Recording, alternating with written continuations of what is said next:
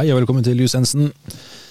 Jeg er høyskolelektor Knut Gaustad, og i dag kjører jeg et soloshow innenfor arbeidsretten. Jeg skal snakke om eh, likestilling og diskriminering, som er en ganske stor og tung affære.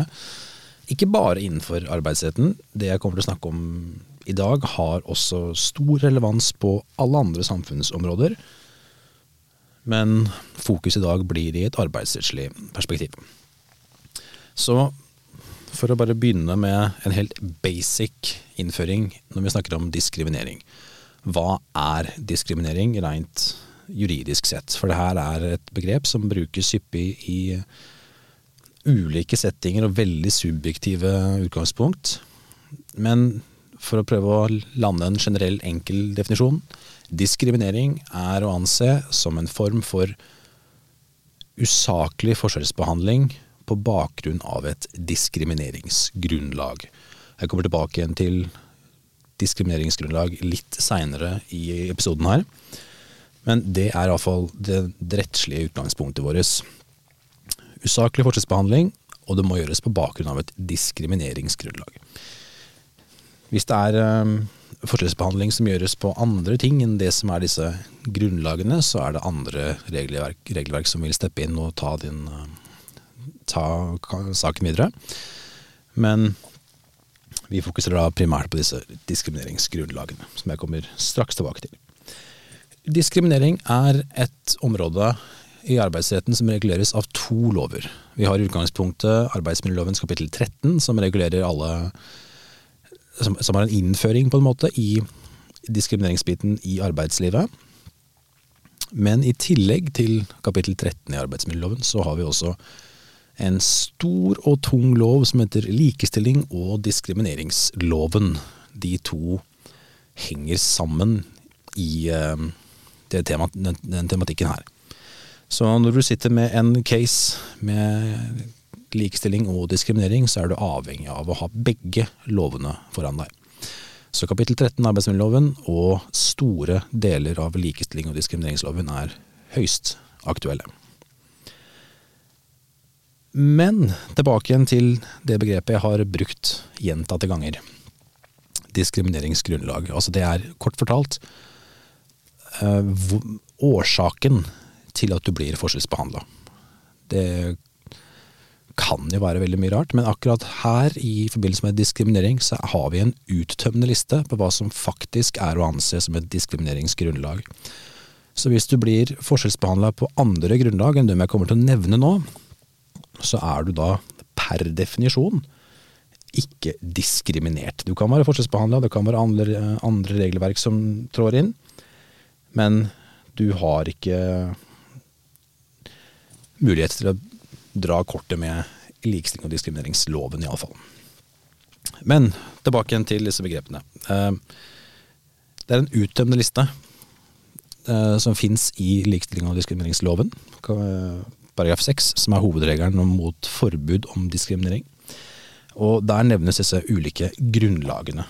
Og Nå skal jeg nevne de konkrete årsakene, eller disse diskrimineringsgrunnlagene, til hva man ikke kan usaklig forskjellsbehandles på. Og det er på, av, på bakgrunn av kjønn, graviditet, permisjon ved fødsel eller adopsjon, omsorgsoppgaver, etnisitet, religion, livssyn, funksjonsnedsettelse, seksuell orientering, kjønnsidentitet, kjønnsuttrykk, alder, eller også en kombinasjon av alle de grunnlagene. I tillegg til den lista jeg nettopp nevnte, så har vi også alder, som er regulert i arbeidsmiljølovens kapittel 13. Så den lista her, forholdsvis lang, men det, det, det, er det her vi mener når vi sier at man kan ikke bli forskjellsbehandla på bakgrunn av et diskrimineringsgrunnlag. Så for eksempel hvis det blir forskjellsbehandla på bakgrunn av kjønn, så er det som regel en form for øh, brudd på likestilling. At man forskjellsbehandler menn og kvinner. Det kan være at man forskjellsbehandler på bakgrunn av øh, etnisk opprinnelse. Øh, hvor dårlig, dårlig, språk man måtte ha, f.eks. hvis man er, øh, er innvandrer. Det er også ting man, som faller inn under disse diskrimineringsgrunnlagene. Vi kunne snakka langt og lenge om hvert enkelt diskrimineringsgrunnlag. Det er ikke tanken. Dere skal bare få en helt basic innføring. Så kan vi heller ha en egen episode på disse ulike diskrimineringsgrunnlagene. Men hovedregelen er faktisk i henhold til likestilling og diskrimineringslovens paragraf 6, og også for øvrig kapittel 13 i arbeidsmiljøloven, så er jo hovedregelen at det er ulovlig å diskriminere på bakgrunn av disse grunnlagene jeg nettopp har nevnt. Og det er for så vidt greit og veldig fint, men det kan jo være situasjoner hvor man faktisk må gjøre en viss form for forskjellsbehandling. Uh, la oss ha et eksempel hvor vi skal kaste en, uh, en film. Vi trenger en haug med kvinnelige skuespillere. Da er det nødvendig at man kanskje innhenter kun kvinnelige skuespillere og ikke menn, nettopp fordi at man man har behov for kvinnelige skuespillere. Så det, det, må da finnes noen unntak, ikke sant. Hvis ikke så ville man da ha samfunnet blitt et veldig, veldig vanskelig område å bevege seg inn på når alt er ansett som diskriminering. Og sånn er det jo egentlig ikke. Hovedregelen tilsier at det er ikke lov, men det fins lovlige unntak. Det er det jeg skal fram til nå. Så det er faktisk tilfeller hvor det er lov til å gjøre en usaklig forskjellsbehandling. Det er i to primære tilfeller. For det første så er det da i de tilfellene hvor det faktisk er saklig å gjøre en forskjellsbehandling.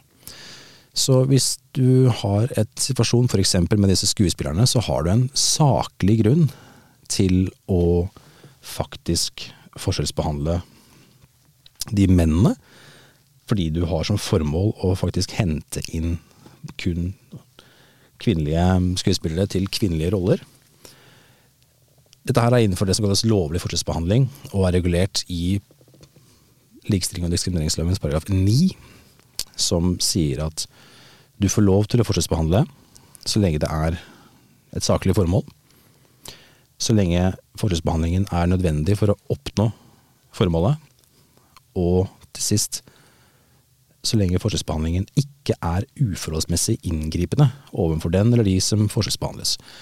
Så hvis vi spiller litt videre på eksempelet med skuespillercastinga, hvor vi skal ansette kun kvinnelige skuespillere til et sett med kvinnelige roller, så har vi jo et saklig formål med, å, med at vi skal kunne caste kvinner i en kvinnelig eh, film eller oppsetning eller hva det måtte være. Vi har et saklig formål med at det skal, være, det skal være kvinner. Eh, er det nødvendig for å oppnå formålet? Ja, det er nødvendig, å, det er nødvendig å eks, ekskludere menn i den fasen her for å oppnå formålet med å kaste et sett med kvinnelige skuespillere til en spesifikk handling, en film eller oppsetning. Og det siste sjekkpunktkravet, om det er lovlig, er jo er denne forskjellsbehandlingen mot mennene en uforholdsmessig inngripen eller ikke. Og der er det helt sikkert masse subjektive meninger, men her vil det nok vært uh, naturlig for de fleste menn å forstå at her skal vi kaste et sett med kvinnelige skuespillere. Det er ikke inngripende for oss at vi ikke blir inkludert i den rollen. Det er ganske naturlig som sådan. Det er én variant på å faktisk på å faktisk gjøre en lovlig forskjellsbehandling. Så nå har vi jo hittil sett på hovedregelen som sier at egentlig all form for diskriminering og usaklig forskjellsbehandling på bakgrunn av disse grunnlagene er ulovlig. Så har vi sett på det første unntaket, som sier at det er lovlig med viss form for forskjellsbehandling ved bestemte situasjoner og bestemte vilkår er oppfylt. Den siste varianten, med en form for lovlig forskjellsbehandling, finner vi også i likestilling og diskrimineringsloven. I paragraf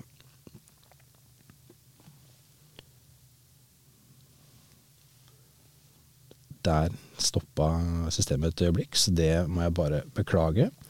Men likestillings- og diskrimineringsloven nevner også noe om positiv særbehandling, som er en form for adgang til å gjøre forskjellsbehandling.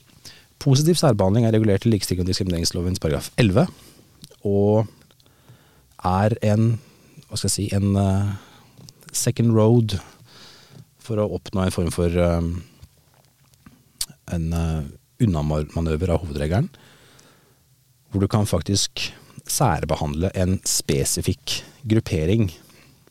Og akkurat som det er i paragraf 9 og bestemmelsen om lovlig forskjellsbehandling, så er det noen vilkår i paragraf 11 som skal være oppfylt for at du skal ha lov til å positiv særbehandle. Eh, positiv særbehandling er lov hvis særbehandlingen er egnet til å fremme lovens formål, at det er rimelig eh, forhold mellom formålet man ønsker å oppnå, og hvor inngripende særbehandlingen er for den eller de som stilles dårligere. Og ikke minst det siste lille vilkåret er at særbehandlingen opphører når formålet med den er oppnådd. Uh, dette her er jo begreper som kanskje ikke brukes veldig mye i dagligdalen. Inni jussens verden så er det kanskje det, men for vanlige dødelige så er ikke dette noe man snakker veldig mye hyppig om.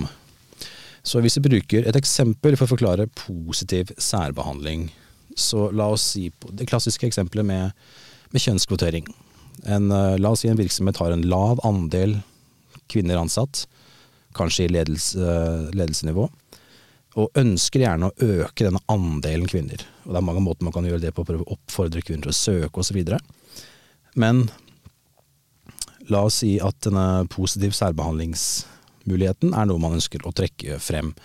Så i en situasjon hvor man ønsker å øke andel kvinner til, en, til et visst nivå, et visst, visst uh, prosentnivå, eller hva man har satt seg som mål, så um, kan man bruke positiv særbehandlings veien. Ved at man da kun kanskje rekrutterer kvinner. Man ekskluderer menn for en periode, nettopp for at man har satt seg et mål som er i tråd med likestilling og diskrimineringsloven. Du skal fremme lovens formål, er jo første kravet i paragraf 11. Og et av lovens formål er jo å sørge for en uh, lik mulighet og til uh, like rettigheter for alle grupperinger å fremme likestilling og hindre diskriminering på bakgrunn av kjønn. Så ergo vil man da være innenfor lovens formål ved at man vil da fremme kvinners, øh, kvinneandelen i sin virksomhet. Så da har vi dekket dette første kravet med at vi er innenfor lovens formål, og at det er rimelig mellom forholdet man ønsker å oppnå, og hvor inngrepende særbehandlingen er for den som stiller dårligere. Altså Hvis man da velger å kun rekruttere kvinner for en periode for å oppnå en viss andel, så er det en rimelig vei å gå for å, for å oppnå en høyere kvinneandel. Det er ikke noe spesielt inngripende eller negativ særbehandling av menn som sådan. Det, de blir jo ekskludert, men til gjengjeld, det her er Tanken er å øke, øke kvinneandelen. Tanken er å være i tråd med selve lovens formål og tanke. Så man er helt innenfor regelverket. Og ikke minst, hvis man da har først nådd dette målet sitt med at la oss si du vil ha en 40 eller 50 andel kvinner i ledende posisjoner, og når du først har nådd det målet ditt, så må ting opphøre. Da må positiv særbehandlingskortet legges bort, og da er tilbake igjen til vanlige basic framgangsmåte med å inkludere alle parter, også menn.